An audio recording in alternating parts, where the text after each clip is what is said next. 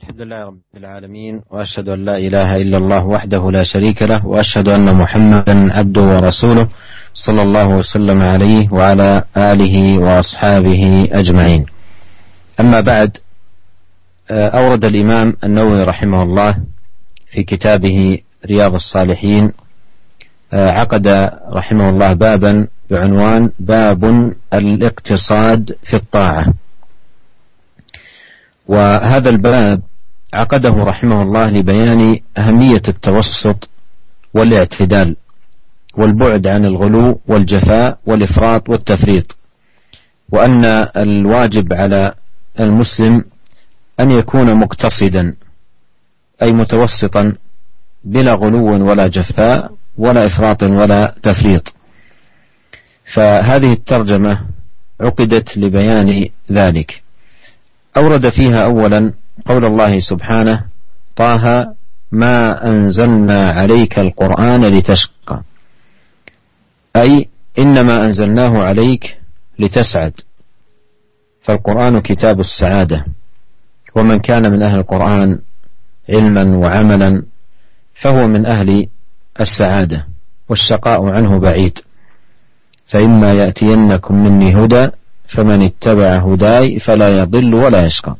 الذي يتبع القرآن لا يناله شقاء بل يكون دوما وأبدا في سعادة لأن القرآن هو كتاب السعادة والسعادة إنما تؤخذ من القرآن. وقوله ما أنزلنا عليك القرآن لتشقى في رد على المشركين الذين قال نفر منهم إن هذا القرآن أنزل على محمد وأصحابه ليشقوا بهذا القرآن أي ليكون سببا لشقائهم.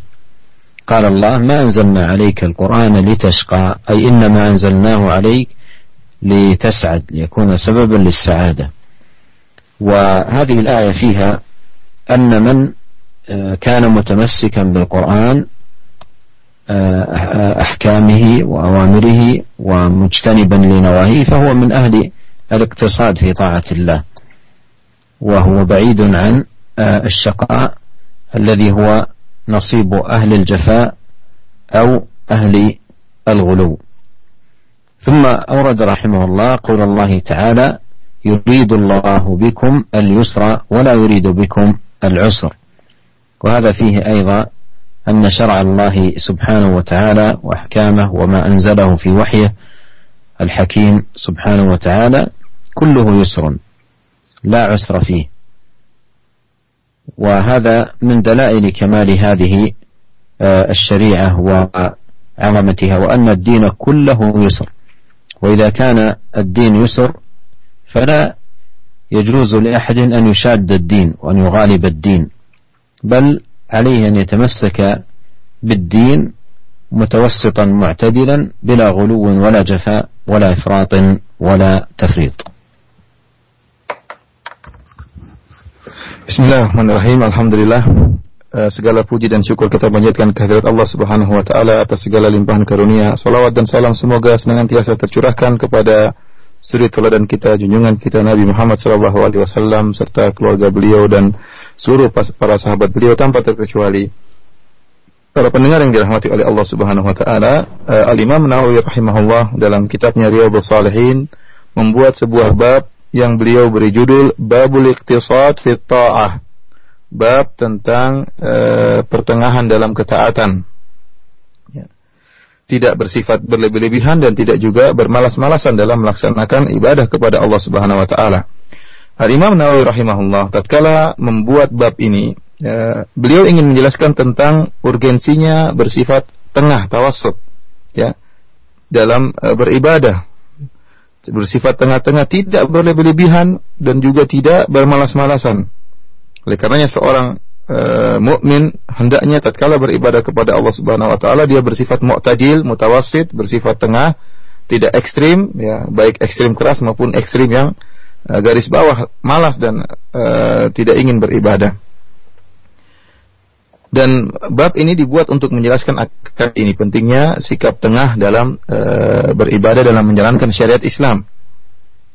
beliau Al-Imam Nawawi rahimahullah membawakan firman Allah Subhanahu wa taala, "Toha ma anzalna 'alaikal Qur'ana litashqa." Yang artinya, Toha, sungguhnya kami tidak menurunkan kepada engkau wahai Muhammad Rasulullah Al-Qur'an agar engkau uh, sengsara, ya.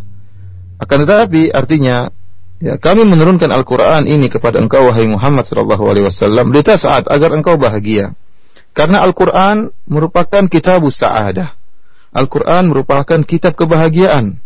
Barang siapa yang e, merupakan ahlul Quran, dia membaca Al-Quran, mentadaburi Al-Quran, mengamalkan isi Al-Quran, maka jelas dia merupakan orang yang bahagia dan jauh dari syakah, jauh dari syakawah, jauh dari kesengsaraan, jauh dari kecelakaan.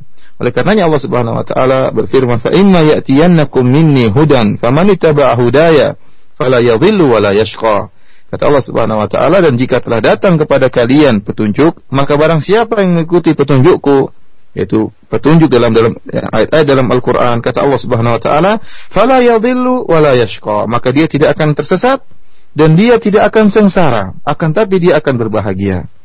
Ayat ini diturunkan oleh Allah Subhanahu wa taala sebagai bantahan terhadap orang-orang musyrikin yang mereka berdusta dan menyatakan bahwasanya sungguhnya Allah Subhanahu wa taala menurunkan Al-Quran kepada Muhammad agar Muhammad sengsara dan agar sahabat-sahabat Muhammad juga sengsara.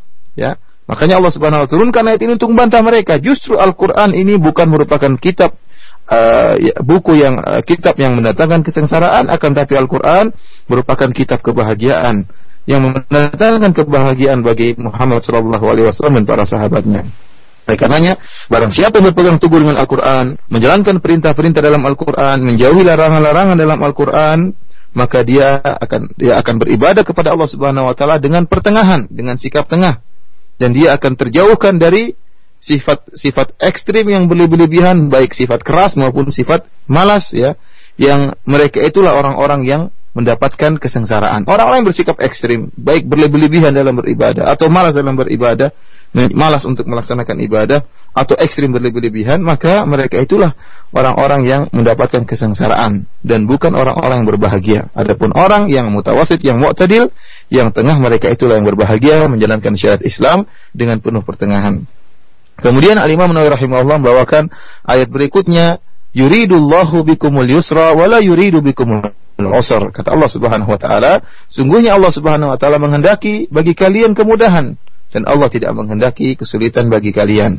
Ayat ini menjelaskan bahwasanya seluruh syariat Allah, hukum-hukum yang Allah turunkan kepada manusia seluruhnya mudah. Tidak ada kesulitan dalam menjalankan syariat Allah Subhanahu wa taala. Dan ini merupakan salah satu petunjuk salah satu petunjuk akan sempurnanya syariat Islam. Sempurnanya syariat Islam dan indahnya syariat Islam di mana agama ini seluruhnya mudah. Oleh karenanya jika agama ini mudah, maka jangan seorang kemudian bersikap ekstrim berlebih-lebihan, ya, berlebih-lebihan dalam beragama. Ya. Akan tapi hendaknya dia bersikap uh, mu'tadil, bersifat tengah, ya, bersih, ber, uh, berjalan dengan pertengahan dalam menjalankan syariat Islam yang mudah ini. Maka dia akan mendapati kemudahan syariat Islam. Orang merasa kesulitan tatkala dia bersikap ekstrim baik malas maupun uh, ekstrim berlebih-lebihan ataupun malas menjalankan syariat, mereka itulah yang merasakan bahwasanya syariat itu terasa berat bagi mereka namun pada hakikatnya syariat ini mudah jika dikerjakan dengan sikap pertengahan. ثم أورد الإمام النووي رحمه الله حديث أم المؤمنين عائشة أن النبي صلى الله عليه وسلم قال أن النبي صلى الله عليه وسلم دخل عليها وعندها امرأة قال من هذه؟ قالت هذه فلانة تذكر من صلاتها. قال مه عليكم بما تطيقون. فوالله لا يمل الله حتى تملوا. وكان أحب الدين إليه ما داوم صاحبه عليه.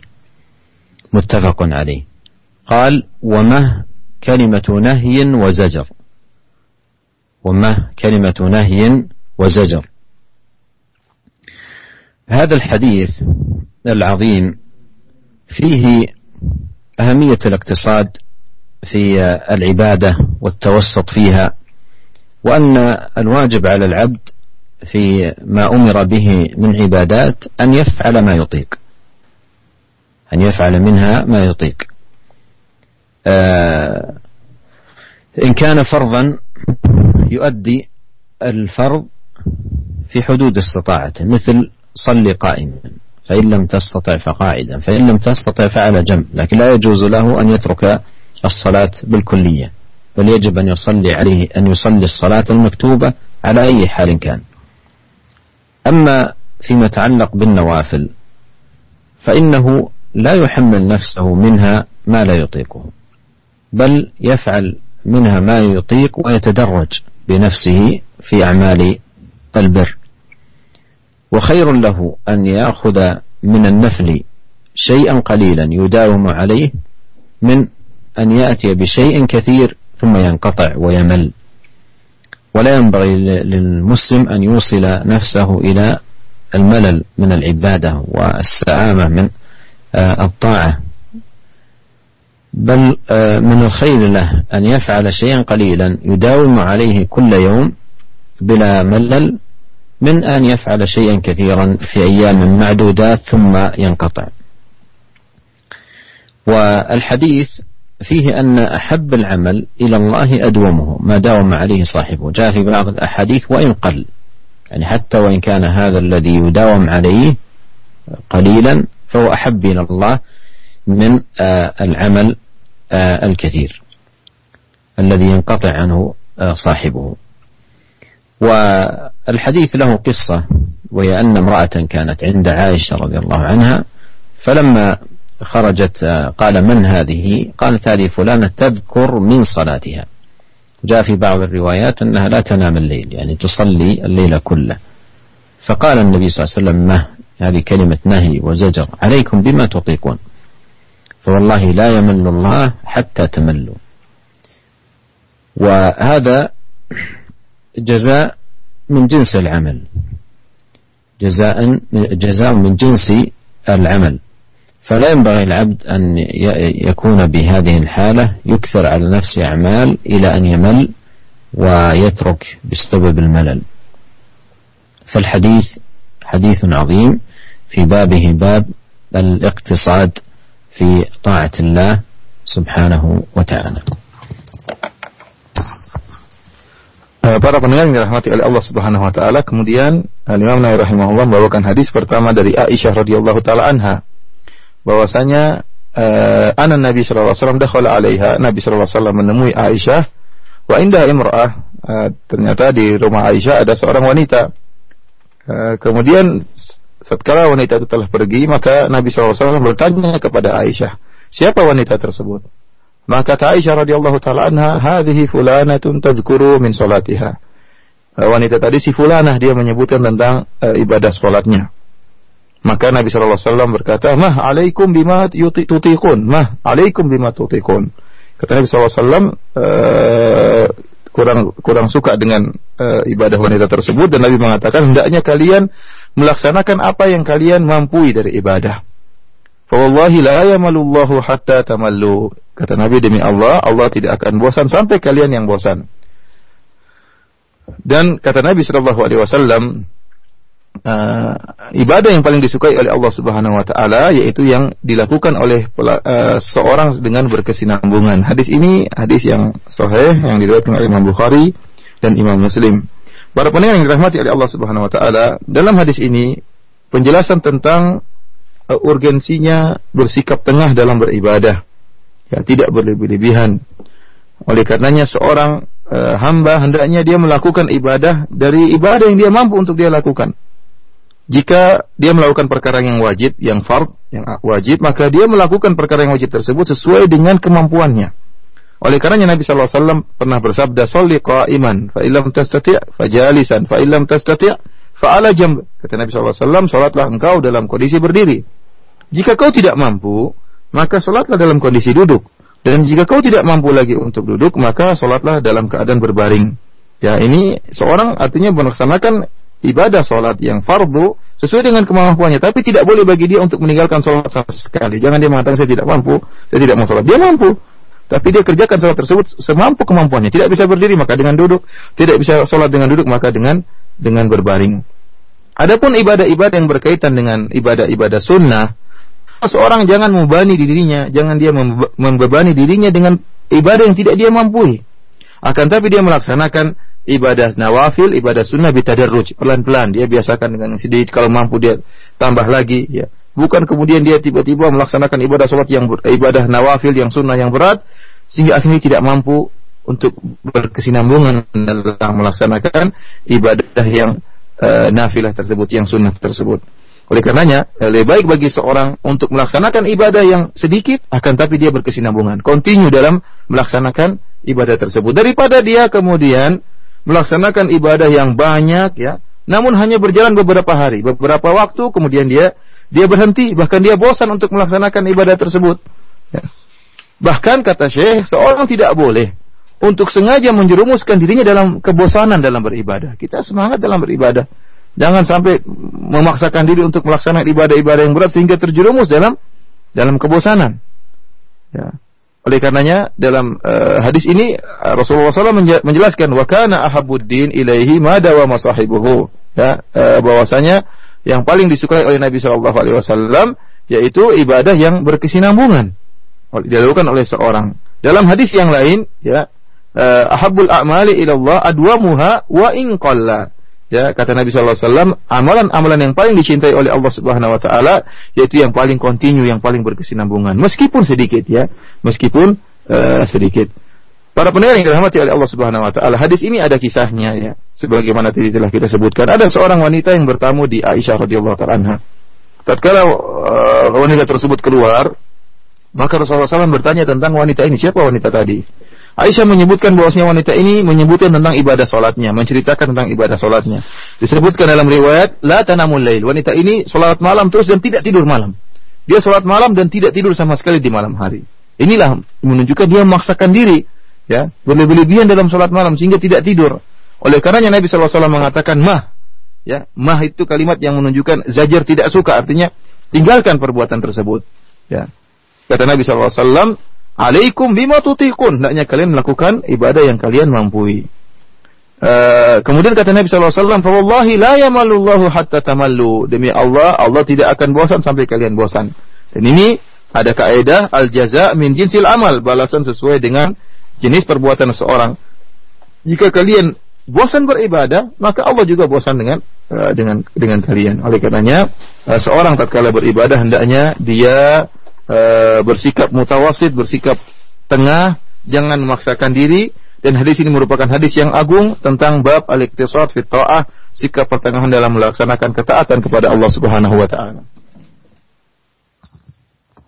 ثم أورد الإمام النووي رحمه الله تعالى حديث أنس بن مالك رضي الله عنه قال جاء ثلاثة رهط إلى بيوت أزواج النبي صلى الله عليه وسلم يسألون عن عبادة النبي صلى الله عليه وسلم فلما أخبروا كأنهم تقالوها وقالوا أين نحن من النبي صلى الله عليه وسلم؟ قد غفر له ما تقدم من ذنبه وما تأخر. قال أحدهم أما أنا فأصلي الليل أبدا. وقال الآخر وأنا أصوم الدهر ولا أفطر. وقال الآخر وأنا أعتزل النساء فلا أتزوج أبدا. فجاء رسول الله صلى الله عليه وسلم إليهم فقال أنتم الذين قلتم كذا وكذا؟ أما والله إني لأخشاكم لله وأتقاكم له لكني أصوم وأفطر وأصلي وأرقد وأتزوج النساء فمن رغب عن سنتي فليس مني. متفق عليه. هؤلاء الرهط الذين أتوا إلى بيوت أزواج النبي صلى الله عليه وسلم يسألون عن عبادته. يعني ماذا كان يصلي وما هي حاله في في بيته وما هو صيامه. فلما أخبروا بعبادة النبي عليه الصلاة والسلام كأنهم تقالوها يعني رأوا أنها قليلة. ثم أيضا قالوا أين نحن من النبي صلى الله عليه وسلم؟ قد غفر له ما تقدم من ذنبه وما تأخر. وأما نحن لسنا كذلك. ولهذا كل واحد منهم اتخذ قرار فقال أحدهم يصلي الليل أبدا ولا ينام وقال الآخر يصوم الدهر يعني كل يوم لا يفطر. والثالث قال إنه لا يتزوج آه، النساء. وهذا كله خلاف السنة وخلاف هدي النبي عليه الصلاة والسلام. ومن الغلو الذي حذر منه صلى الله عليه وسلم. فلما بلغ ذلك النبي عليه الصلاة والسلام جاء إليهم. وقال أنتم الذين قلتم كذا وكذا وهذا فيه الاستثبات والتأكد. ثم قال أما والله إني لأخشاكم لله وأتقاكم له. أي أنا أكثركم خشية لله وتحقيقا لتقوى الله سبحانه وتعالى. لكني أصوم وأفطر. يعني أصوم أياما وأفطر أياما. وأصلي وأرقد. أي أصلي بعض الليل وأرقد بعضه لا أصلي الليل كله. وأتزوج النساء. أي هذه هي سنته عليه الصلاة والسلام. قال فمن رغب عن سنتي فليس مني. وهذا من الوعيد. لا يقال ليس مني إلا في أمر كبير. هذا فيه وعيد شديد لمن آه، آه، وقع في الغلو وأنه ليس من النبي عليه الصلاة والسلام. أي في في عمله هذا فارق هديه وفارق سنته صلوات الله وسلامه وبركاته عليه فهذا فيه التحذير من الغلو وأهمية التوسط والاعتدال Uh, kemudian uh, Al Imam Nawawi rahimahullah membawakan uh, hadis berikutnya dari sahabat Anas bin Malik radhiyallahu taala anhu beliau berkata ada tiga orang mendatangi uh, rumah salah seorang istri Nabi Shallallahu Alaihi Wasallam. Uh, tiga orang ini bertanya tentang bagaimana ibadah Nabi Shallallahu Alaihi Wasallam di rumah beliau. Tatkala dikabarkan kepada mereka bertiga tentang ibadah Nabi Shallallahu Alaihi Wasallam, keannahum taqalluha. Maka ketiga sahabat ini merasa ibadah Nabi Shallallahu Alaihi Wasallam sedikit. Ya, mereka berkata, Aina nahnu minan Nabi Shallallahu Alaihi Wasallam. Kita ini dibandingkan Nabi bagaimana? Nabi telah diampuni dosa-dosanya, baik yang telah lalu maupun yang akan datang. Ya, kalau ibadahnya sekian, kita harus lebih banyak sehingga mereka kemudian berpikir untuk membuat ibadah yang lebih banyak. Maka salah seorang dari mereka berkata, Amma ana fa usalli laila abadan. Adapun saya saya akan salat malam terus ya. Tidak tidur. Yang kedua berkata, saya akan berpuasa dan saya tidak akan berbuka. Ya, siang hari tiap tiap siang puasa. Dan yang ketiga berkata, wa ana atazilun nisa fala atazawwaju abadan. Adapun saya saya akan meninggalkan para wanita dan saya tidak akan menikah selamanya. Maka Rasulullah wasallam mendatangi tiga orang ini. Kemudian Nabi wasallam berkata, Kalianlah, apakah kalian yang telah mengatakan demikian dan demikian? Demi Allah, inilah akhsyakum lillahi wa atqakum. Aku adalah orang yang lebih khusyuk, lebih khasyah, lebih takut kepada Allah daripada kalian dan aku yang paling bertakwa kepada Allah daripada kalian. Lakinni asum wa uftir, akan tapi aku berpuasa dan aku berbuka, wa usalli wa arkud dan aku salat malam dan aku tidur, wa atazawwajun nisa dan aku menikahi para wanita. Faman raghiba an sunnati falaysa minni. Barang siapa yang benci dengan sunnahku, maka bukan dariku. Hadis ini hadis yang sahih yang diriwayatkan oleh Imam Bukhari dan Imam Muslim. Para pendengar yang dirahmati oleh Allah Subhanahu wa taala, tiga orang ini mendatangi rumah istri-istri Nabi sallallahu alaihi wasallam. Mereka bertanya tentang ibadah Nabi di rumah Nabi sallallahu alaihi wasallam karena ibadah Nabi di rumah tidak ada yang tahu kecuali istri-istri Nabi. E, bagaimana sholat Nabi di rumahnya, bagaimana puasa Nabi di rumahnya, maka tatkala mereka dikabarkan tentang ibadah Nabi Shallallahu Alaihi Wasallam di rumahnya, maka uh, mereka mengatakan ibadah tersebut sedikit ya. Kalau Nabi Shallallahu Alaihi Wasallam sudah diampuni dosa-dosanya, ibadahnya segitu, bagaimana dengan kita yang belum tentu diampuni dosa-dosanya, tidak jelas bagaimana uh, nasib kita. Tentunya ibadah kita harus lebih banyak lagi. Ini logika mereka, ya. Sehingga akhirnya masing-masing membuat untuk berbanyak ibadah, ya karena memandang diri mereka tidak jelas diampuni dosa-dosanya atau tidak, masuk surga atau tidak. Kalau Nabi jelas masuk surga ibadahnya sekian, tentunya kami harus lebih banyak. Demikian logika mereka. Maka masing-masing dari ketiga orang ini membuat keputusan. Ya, mereka berazam. Yang satu berkata, saya akan uh, saya akan sholat malam terus dan tidak akan tidur. Ya. Yang kedua berkata, saya akan berpuasa terus, tiap hari berpuasa, dan saya tidak akan berbuka. Dan yang ketiga berkata, saya akan meninggalkan wanita ya, bukan karena benci kepada para wanita, tapi dalam rangka beribadah. Fala atazawwaju abadan dan saya tidak akan menikah selamanya ya, demi untuk beribadah. Ya. Akan tetapi ini ini merupakan uh, sikap yang ekstrim yang menyelisih sunnah Nabi Shallallahu Alaihi Wasallam, menyelisih petunjuk Nabi Shallallahu Alaihi Wasallam. Dan inilah bentuk ibadah seperti ini merupakan bentuk ibadah yang ekstrim yang telah diingatkan, diperingatkan oleh Nabi Shallallahu Alaihi Wasallam. Oleh karenanya setelah itu Nabi Shallallahu Alaihi Wasallam mendatangi mereka dan Nabi berkata, antumul ladina kultum kada wa kada. Apakah kalian yang telah mengatakan demikian dan demikian, yang mengatakan akan sholat terus tidak tidur, puasa terus tidak berbuka, tidak mau menikahi para wanita? Dan Nabi Shallallahu Alaihi Wasallam ingin uh, mengecek kebenaran kebenaran uh, tersebut. Ternyata memang benar mereka telah berkata demikian. Maka Nabi Shallallahu Alaihi Wasallam pun membantah mereka dan Nabi mengatakan, Wallahi demi Allah, inilah akhsyakum lillah. Aku ini lebih takut kepada Allah daripada kalian. Wa atqakum lahu dan aku adalah orang yang paling bertakwa lebih daripada kalian. Akan tetapi itu yang artinya kalau bicara tentang semangat ibadah, aku lebih daripada kalian. Bicara tentang takwa, aku lebih lebih bertakwa daripada kalian. Akan tetapi kata Nabi, asumu usolli wa arqud. Aku salat malam ya, sebagian malam dan sebagian malam lagi aku gunakan untuk tidur. Asumu wa uftir, artinya aku berpuasa beberapa hari dan aku juga berbuka beberapa hari, tidak puasa terus-terusan. Wa tazawwajun nisa dan aku menikahi para wanita. Setelah Nabi SAW membantah mereka, Nabi SAW menutup bantahnya tersebut dengan berkata, Faman rogiba an sunnati, barang siapa yang membenci sunnahku, dan kalimat ini kalimat yang besar, ya kalimat yang keras, yang tidak e, merupakan ancaman keras bagi orang-orang yang bersifat ekstrim, berlebihan dalam beribadah. Karena kalimat tersebut tidak diucapkan oleh Nabi kecuali pada perkara yang besar, perkara yang berat. Ya, Nabi SAW mengatakan man rogiba an sunnati falaysa minni. Barang saya yang benci dengan sunnahku maka bukan bagian bagian dariku. Yaitu dia telah uh, berpisah atau uh, jauh dari petunjuk Nabi Shallallahu Alaihi Wasallam.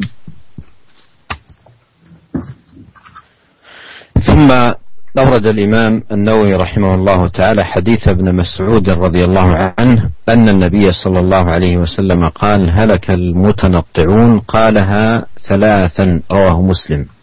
قال النووي رحمه الله المتنطعون المتعمقون المتشددون في غير موضع التشديد. هذا الحديث فيه حث على التوسط والإعتدال والإقتصاد في العبادة والبعد عن المغالاة والتشديد على النفس وأن ذلك سببا للهلاك. قال هلك المتنطعون وأعادها ثلاثا تحذيرا من ذلك صلوات الله وسلامه عليه. فالحديث فيه النهي عن التشديد في العبادات والطاعات التشديد على النفس. لما في ذلك من المفاسد والأضرار على الإنسان عندما يشدد على آه، نفسه في آه، العبادات والأعمال. وفي الوقت نفسه فيه وصية بالأنات والرفق وعدم التنطع الذي هو التشدد. وأيضا آه، حث على الوسطية والاعتدال التي هي دين الله عز وجل فدين الله وسط بين الغلو والجفاء والإفراط والتفريط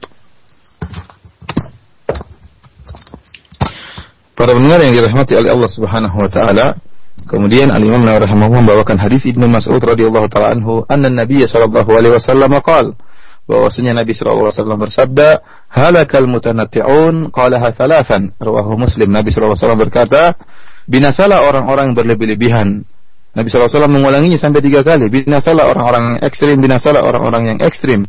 Hadis ini hadis yang sahih yang diriwayatkan oleh Imam Muslim. Al-mutanatti'un ya, yang di orang-orang mutanatti'un yang didoakan oleh Nabi dengan kebinasaan yaitu kata Imam Nawawi rahimahullah al-muta'ammiqun al-mutasyaddidun itu orang yang terlalu berdalam-dalam terlalu terlalu ekstrim keras pada perkara-perkara yang tidak butuh untuk uh, berdalam-dalam tidak butuh untuk uh, bersikap ekstrim ya Para pendengar yang dirahmati oleh Allah Subhanahu wa taala, hadis ini e, mendorong kita untuk bersikap tengah. Ya, bersikap tengah dan imbang dalam beribadah kepada Allah Subhanahu wa taala dan agar e, kita menjauhkan diri dari sikap ekstrim. Karena sikap ekstrim ini merupakan sebab kebinasaan sebagaimana Nabi menjelaskan ya. Orang-orang yang binasa dan Nabi Wasallam mengucapkan hal ini sampai diulang tiga kali adalah untuk memperingatkan umatnya, ya, agar jangan sampai seorang memaksakan dirinya bersikap ekstrim pada dirinya dalam melaksanakan ketaatan kepada Allah Subhanahu wa taala. Karena jika seorang memaksakan dirinya bersikap ekstrim dalam beribadah, memaksakan dirinya ekstrim kepada dirinya, maka akan mendatangkan mafsadah dan akan mendatangkan kemudaratan bagi dirinya. Dalam waktu yang sama, Nabi Shallallahu alaihi wasallam mewasiat, mewasiatkan kita untuk bersikap tengah bersikap lemah lembut dalam dalam beribadah dan tidak bersikap uh, berlebih-lebihan ya. Oleh karenanya agama Allah Subhanahu wa taala adalah agama yang tengah antara sikap ekstrim berlebih-lebihan dan antara sikap malas yang uh, berkurang-kurangnya. ثم أورد رحمه الله تعالى حديث أبي هريرة رضي الله عنه عن النبي صلى الله عليه وسلم قال إن الدين يسر ولن يشاد الدين إلا غلبة فسددوا وقاربوا وأبشروا واستعينوا بالغدوة والروحة وشيء من الدلجة. رواه البخاري. وفي رواية له سددوا وقاربوا واغدوا وروحوا وشيء من الدلجة القصد القصد تبلغ. قوله الدين هو مرفوع على ما لم يسمى فاعله وروي منصوبا.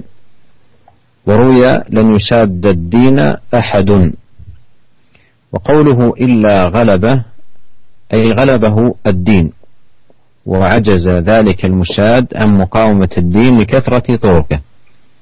والغدوة سير أول النهار والروحة آخر النهار والدلجة آخر الليل. وهذا استعارة وتمثيل ومعناه استعينوا على طاعة الله بالأعمال في وقت نشاطكم وفراغ قلوبكم بحيث تستلذون العبادة ولا تسأمون وتبلغون مقصودكم كما أن المسافر الحاذق يسير في هذه الأوقات ويستريح هو دابته في غيرها. فيصل المقصود بغير تعب والله أعلم. هذا الحديث أيضا هو في باب الاقتصاد والحث عليه. وقد بدأه النبي عليه الصلاة والسلام ببيان يسر الدين وسماحته وأنه دين يسر كله. ثم حذر صلى الله عليه وسلم من المشادة للدين بالمغالاة والتنطع والتجاوز. قال لن يشاد الدين إلا غلبه لن يشاد الدين أحد إلا غلبه كما في الرواية الأخرى أشار إليها الإمام رحمه الله. فالذي يشاد الدين يغلبه الدين يغلبه الدين. لكن المطلوب مع العبد أن أن أن يعمل كما قال عليه الصلاة والسلام. إما السداد أو المقاربة سددوا وقاربوا والسداد أن يفعل آه، السنة والشيء الذي فعله النبي صلى الله عليه وسلم تماما. والمقاربة أن آه، إن لم يتمكن يكون قريبا منه قريبا من هديه.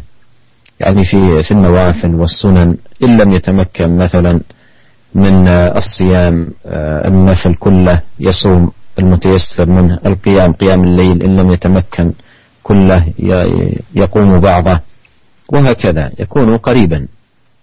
إن لم يتمكن من السداد يحرص على المقاربة. وكل هؤلاء لهم البشارة وأبشروا. يعني أبشروا يا أهل السداد وأبشروا يا أهل المقاربة.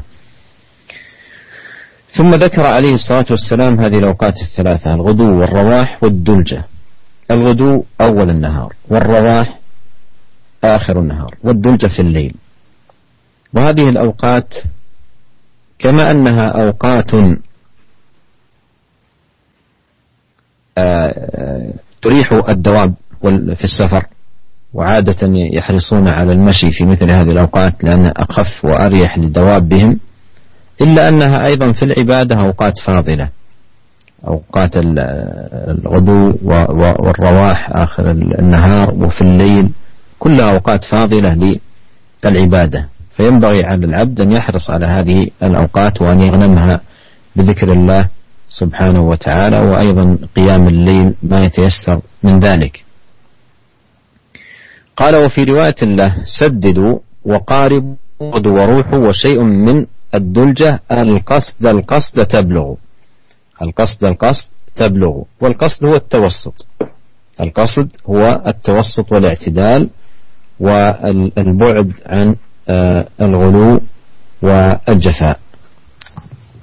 ونسأل الله عز وجل أن ينفعنا جميعا بما علمنا وأن يوفقنا للزوم السنة واتباع هدي النبي الكريم صلوات الله وسلامه وبركاته عليه Waalaikumsalam warahmatullahi Para pendengar yang dirahmati oleh Allah Subhanahu wa taala, setelah itu Al Imam Nawawi rahimahullah membawakan hadis dari Abu Hurairah radhiyallahu taala anhu meriwayatkan dari Nabi Shallallahu alaihi wasallam bahwasanya Nabi Shallallahu alaihi wasallam pernah bersabda, "Inna dina yusrun." Sungguhnya agama ini mudah. Dan tidak seorang pun yang bersikap ekstrim terhadap agama kecuali akan dikalahkan oleh agama. Oleh karenanya, saddidu, uh, tepatlah kalian waqaribu dan berusaha untuk uh, kena sasaran wa abshiru dan bergembiralah. Wasta'inu bil ghadwati war rauhati wa syai'in min ad-dulja dan hendaknya kalian menjadikan uh, waktu ghadwah yaitu di awal uh, di pagi hari di awal pagi hari war rauha di awal atau di, eh, di ujung hari di petang hari dan uh, sedikit waktu di uh, sebagian waktu di tengah malam untuk bisa beribadah kepada Allah Subhanahu wa taala.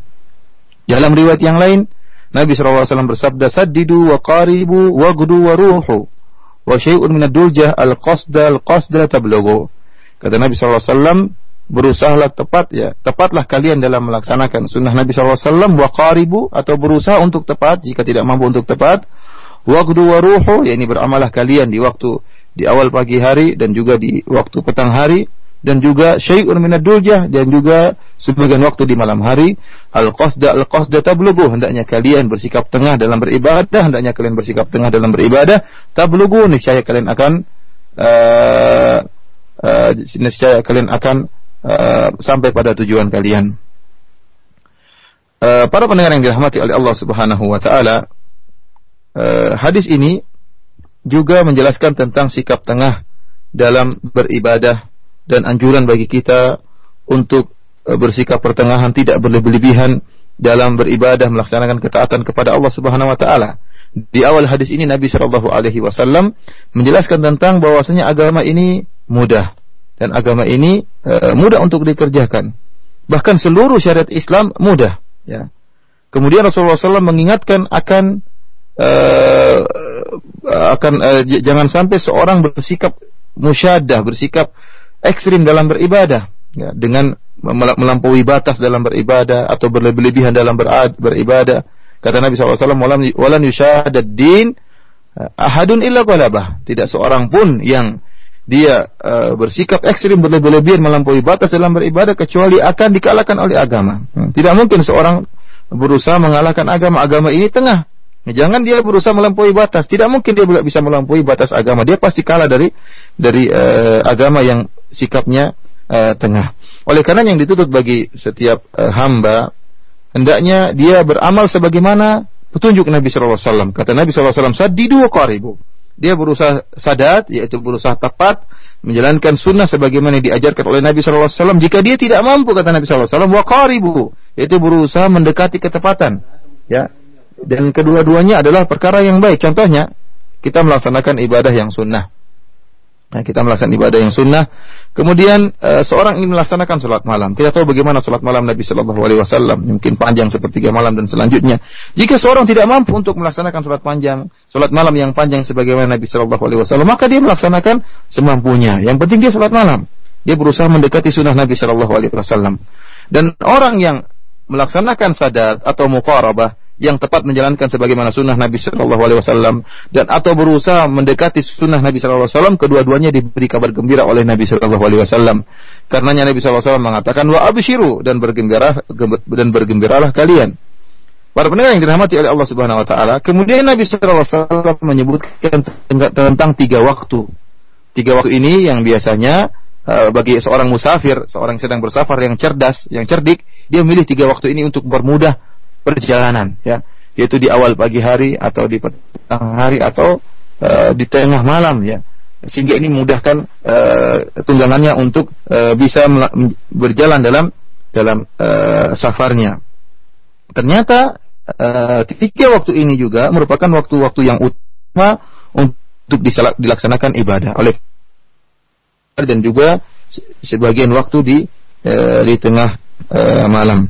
Kemudian kata Nabi Shallallahu Alaihi Wasallam, al qasda al qasda tablugu hendaknya kalian bersikap tengah dalam beribadah, hendaknya kalian bersikap tengah beribadah, tidak melampaui batas, tidak ekstrim, tablugu maka niscaya kalian akan mencapai tujuan kalian. Demikianlah para pendengar yang dirahmati oleh Allah Subhanahu wa taala, kajian kita pada kesempatan kali ini. Semoga Allah senantiasa memberikan taufiknya kepada kita sehingga kita bisa mudah beramal saleh uh, dan tidak bersikap ekstrim ataupun gulu dan semoga apa yang telah kita dengarkan bisa kita amalkan. Wabillahi taufik wal hidayah. Assalamualaikum warahmatullahi wabarakatuh